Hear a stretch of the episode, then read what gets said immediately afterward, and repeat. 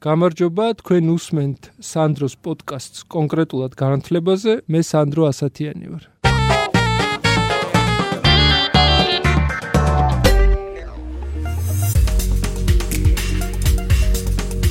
ეს პოდკასტის სტუმრები არიან განათლების სპეციალისტი გიორგი ლომსაძე და ნარატივ დიზაინერი მარიამ გოჩიაშვილი.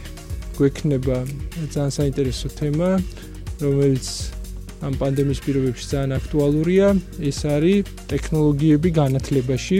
ვისაუბრებთ ერთი მხრივ ჩეტბოტებზე, ვისაუბრებთ იმაზე, ვინ არის და რას აკეთებს ნარატივ დიზაინერი და მეორე მხრივ ვისაუბრებთ ელექტრონულ რესურსებზე, რომელსაც დღეს მასწავლებლები იყენებენ და სავარაუდოდ, როცა ეს პანდემია გადაივლის და უკან დაბრუნდებიან ბავშვები კლასებში, მაინც რაღაცა შეიცვლება. ანუ შეუძლებელია დაუბრუნდეთ ისევ იმ დროში, რომელიც იყო პანდემიამდე და ამიტომ პირველი გადავალ გიორგისთან და იქნებ მოგვიყვე აი იმ ელექტრონული რესურსის შესახებ, რომელზეც ჩვენ მუშაობდი, როგორც ვიცი, სკოლაშიც ქონდა შეტანილი და ბავშვების მასწავლებლის დამოკიდებულება როგორ იყო ამ რესურსის მიმართ პანდემიამდე.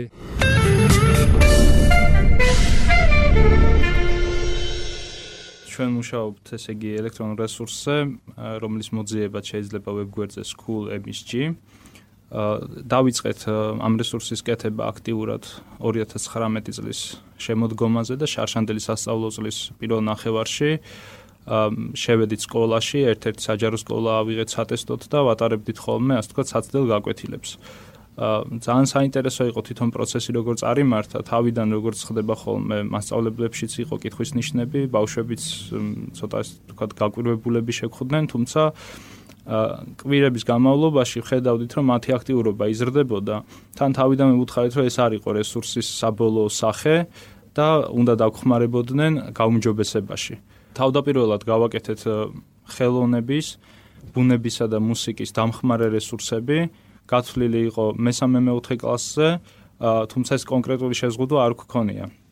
რადგან ეს მაინც დამხმარე რესურსები იყო და არა, ასე ვთქვათ, ძირითადი და მასწავლებლს თავისი სურვილის სამეფო და საჭიროების მიხედვით შეეძლო სასწავლო პროცესში გამოიყენებინა.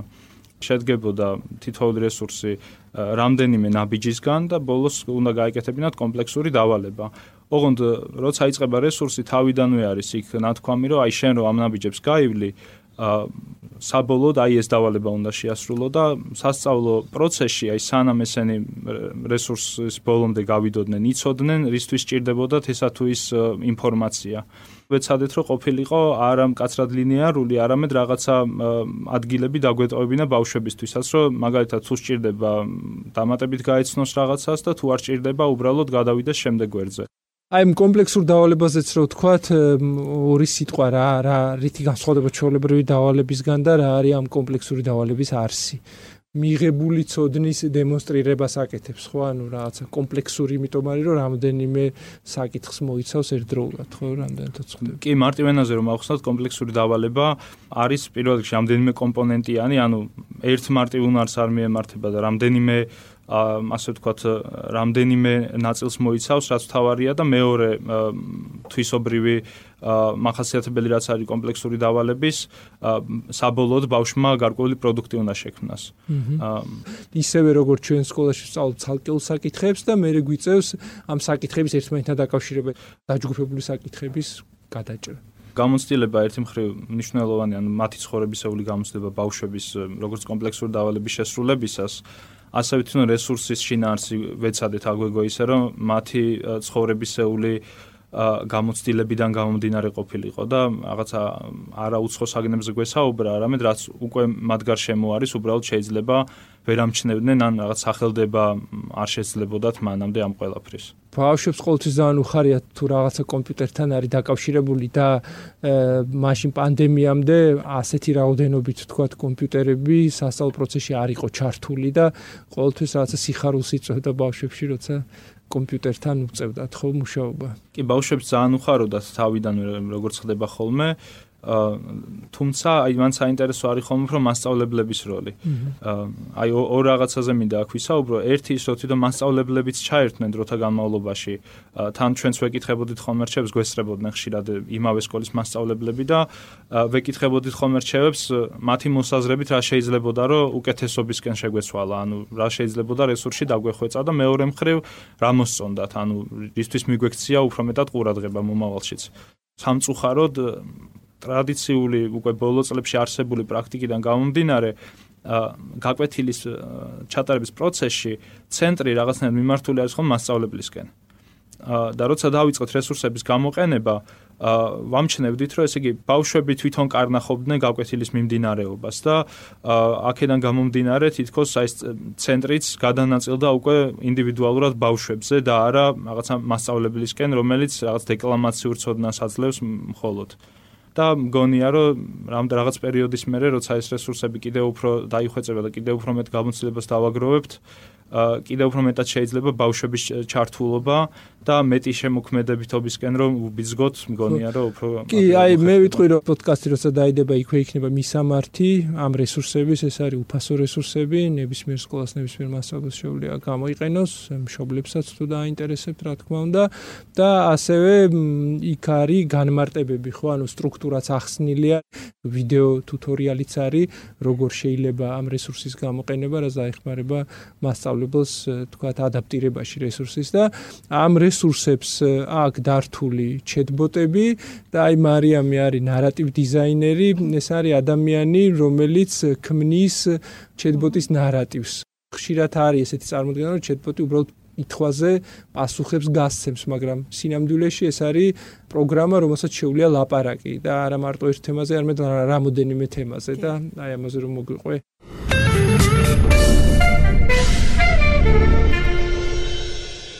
ყველაფერს რაც ჩეთბოტმა უნდა გაიგოს და შემდეგ პასუხად დააბრუნოს, ამის უკან დგას სწორედ ნარატივ დიზაინერი. აა უშუალოდ ჩვენს ჩეთბოტებზე რომ მოვყვე ელექტრონულ რესურსში, რომელზეც უკვე გიორგიმ ისაუბრა, ამ ელექტრონულ რესურსში გვაქვს ჩაშენებული, ასე ვთქვათ, ჩეთბოტები, ერთდროულად ელექტრონულ რესურსთან ერთად იტესტებოდა ასე რომ თქვათ ეს ჩატბოტებიც გავაკეთეთ თავიდან სამი ჩატბოტი ეს იყო ხელოვნების ბუნების მეტყველების და მუსიკის და მოგვიანებით ანუ ამ სამის ტესტირების შემდეგ ასე ვთქვათ დავამატეთ კიდევ კომპიუტერული ტექნოლოგიები ჩვენ ჩვენი ძალებით ასე ვთქვათ დავიწყეთ ჩატბოტებში მესამე მეოთხე კლასელებზე რადგან იყო გათვლილი იმ მასალის სწავლება ჩატბოტებისთვის რაც უშუალოდ ამასაკმა უნდა იცოდეს ამასაკის ბავშვმა. და შემდეგ პარალელურად დავდიოდით სკოლებში ვატარებდით საცდელ გაკვეთილებს ამჯერ პრეზენტაციას ვუტარებდით ჩატბოტები რა არის ზოგადად ვაცნობდით და ნუ მინდა აღვნიშნო რომ დიდი ძალის ხმევაც არ დაგჭირვებია ბავშვებთან იმისთვის რომ რაღაცნაირად გაგვეგებინებინა ასე ვთქვათ ჩატბოტი რა იყო, იმიტომ რომ დღევანდელი ბავშვები ვფიქრობ რომ საკმაოდ ახლოს არიან ტექნოლოგიებთან განსაკუთრებით ან კომპიუტერულ თამაშებზე არიან მიჩვეულები და ესეც გვინდო და ჩაგვედო რომ როგორც თამაშებიდან ყავთ თავიანთი პერსონაჟები და ამას მიჩვეულები არიან. ჩეტბოტებიც არ არიან მათთვის უბრალოდ რაღაც კომპიუტერული პროგრამები რომლებსაც კითხვას დაუსვამენ და ის უბრალოდ რაღაცა მშრალ პასუხს გასცემს. ანუ აქაც პერსონაჟები ხვდებათ მაგალითად ხელოვნების ჩეტბოტი არის უფრო ხელოვანი ტიპაჟი ასე ვთქვათ ბუნებას უფრო რაღაც რაღაც ბუნება უყვარს და ტექნოლოგიების ჩატბოტს, კომპიუტერული მეცნიერების ჩატბოტს უფრო რაღაც ტექნიკისკენ და კომპიუტერებისკენ აქვს მიდრეკილება და ასე შემდეგ. ანუ პერსონაჟიც და ხასიათიც შევეცადეთ, რომ სწორად შეგვერჩია ბავშვებისთვის და ამავდროულად ყოფილიყო ბავშვური ენით დაწერილი ეს ყველაფერი. ესე იგი ჩეტბოტი ეს არის მოლაპარაკე პროგრამა, ოღონდ ლაპარაკობს ტექსტით. და აქ არის ძალიან მნიშვნელოვანი ერთი მომენტი, ხო, რომ ბავშვები ხედავენ უფროსების ქცევას, რომ თქვა ჩვენ უფროსები რაღაც ჩეტით ველაპარაკებით კოლეგებს, მეგობრებს და ასე შემდეგ და მათაც უნდათ ეს გაიმეორონ, მაგრამ ბავშვებისთვის არსებობს გარკვეული შეზღუდვა, ხო, თქვა Facebook-ზე 13 წლამდე დარეგისტრირება არასასურველია, არ შეიძლება, იმიტომ რომ არიცი შენ ვინ დაელაპარაკება, მე ბავშვს, ხო, ამ შემთხვევაში ესენი არიან პროგრამა პროგრამები და ამ ხრივ არიან უსაფრთხო. და აქ გარდა იმისა, რაც შენ ახსენე, რომ ეს ჩატბოტები გარკვეულ თემაზე ლაპარაკობენ, ხო, ანუ საგნობრივ, საგანთან დაკავშირებულ ცოდნას იღებენ, ხო? ესენი ინვითარებენ ასევე უნარს ჩეტის, ხო? უსაფრთხო გარემოში, სადაც, ხო, უცნობს კი არ ლაპარაკება, არამედ პროგრამას ელაპარაკება და ასევე დაცულია, როგორც ვიცი, უსაფრთხოებაც, ანუ ეს პროგრამა არ იმახსოვრებს რომელ კონკრეტულ ბავშვს ელაპარაკა. არა, არ იმახსოვრებს, იმიტომ რომ როგორც თქვი, ანუ ჩაშენებული არის თვითონ ელექტრონულ რესურსში, რომელიც არის ბავშვებისთვის, სკოლის მოსწავლეებისთვის. აა, როდესაც რესურსში შემოდის საიტზე ჩაოლობრივად ბავშვი, მას იქ ხვდება ჩატის ღილაკი. და უბრალოდ ღილაკზე დაკლიკვით ესაუბრება ჩატბოტს, ანუ არც ავტორიზაციის გავლა უწევს, არაფერი მსგავსი. შესაბამისად, იდენტიფიკაცია არ ხდება თუ ვინ ესაუბრება ამ ჩატბოტს და ჩვენთან ერთადერთი უბრალოდ შემოდის ეს საუბრები, რომელიც მე ძალიან გვეხმარება, რომ სწორად დავხვეწოთ ჩატბოტები, ასე ვთქვათ და უფრო მეტად კიდევ უფრო მეტად მოვარგოთ ბავშვებს. არის ხოლმე ძალიან ისეთი ცოტა სახალისო კითხვებიც მაგალითად როდესაც ჩეთბოტი ეუბნება რომ მე ვარ შენ ციფრული მეგობარი რომელიც შენ სასწავლო პროცესში დაგეხმარება ნუ ეუბნებიან რომ შენ ხომ ვერ დამიწერ დავალებას მაგალითად. კი. შენ დამიწერე დავალება და რაღაც სხეული გააქვს და ნუ ბევრი სხვადასხვანაირი მახსოვს მე აი შენ მიყვებოდი მე ბუნების ჩეთბოტთან ესეთი კითხვებიც ქონდა რომ მაგნიტი რო გადავყლაპო რა და მემართება და ასე შემდეგ მიყვებოდი რომ ესეთი ფუნქციაც არის ჩაშენებული რომ გეუბნება რომ მე ჯერ სწავლობ ამ კითხვაზე პასუხი არ მაქვს და ბავშვებს უთქვიათ რომ აი თუ გინდა მე დაგეხმარები და მე გასწავლი ხო? კი კი იყო ესეთი შემთხვევა. ნუ თავისთავად ახლა მართლა ყველანაირ თემაზე ესე ყველაფერზე ჩეთბოც პასუხი ვერ ექნება და ამისთვის აგვაქვს ეს ფუნქციონალი რომ ნუ რაღაც დროის შემდეგ ანუ ამ ჩეთლოგების გაანალიზების მერე იმის დამეხედვით ბავშვებს რა აინტერესებთ რაღაც ახალ-ახალ კითხვებს ვამატებთ ხოლმე და კი ნუ იყო ერთ-ერთი ესეთი შემთხვევა როდესაც ბავშვმა უთხრა რომ არაუშავს მე დაგეხმარები და სხვათა შორის ანუ უბრალოდ ამ დაგეხმარებითი არ შემოფარგულ ანუ რამდენიმე დღის განმავლობაში კიდე წერდა ეს ბავშვი, იმიტომ რომ ასწავლი. ხო, ეუბნებოდა რომ აი მე ის ვარ იმ დღეს რომ მოგწერე და აბა ეს ისწავლე იმ დღეს რო გკითხე, ანუ ამოწმებ და მართლა ისწავლა თუ არა. ესეთი შემთხვევაც იყო. ამ რესურსის ელექტრონული მისამართი დართული ექნება ამ პოდკასტს. შეგიძლიათ რესურსში რო შეხვალთ იქვე საუბროთ ჩეტბოტს ცალკე მოგაწვდით ამ ჩეტბოტების მისამართს და ძალიან საინტერესო იქნება რას კითხავენ თქვენი ბავშვები რას უპასუხებს ჩეტბოტი და როგორც მარიამმა თქვა ხდება ამ შეკითხების ანალიზი და რაც მეტი ადამიანი დაელაპარაკება ჩეტბოტს მით უფრო დაჭკვიანდება დრო და დრო მადლობას მოგახსენებთ კიდევ შევხვდებით მადლობა ნახვამდის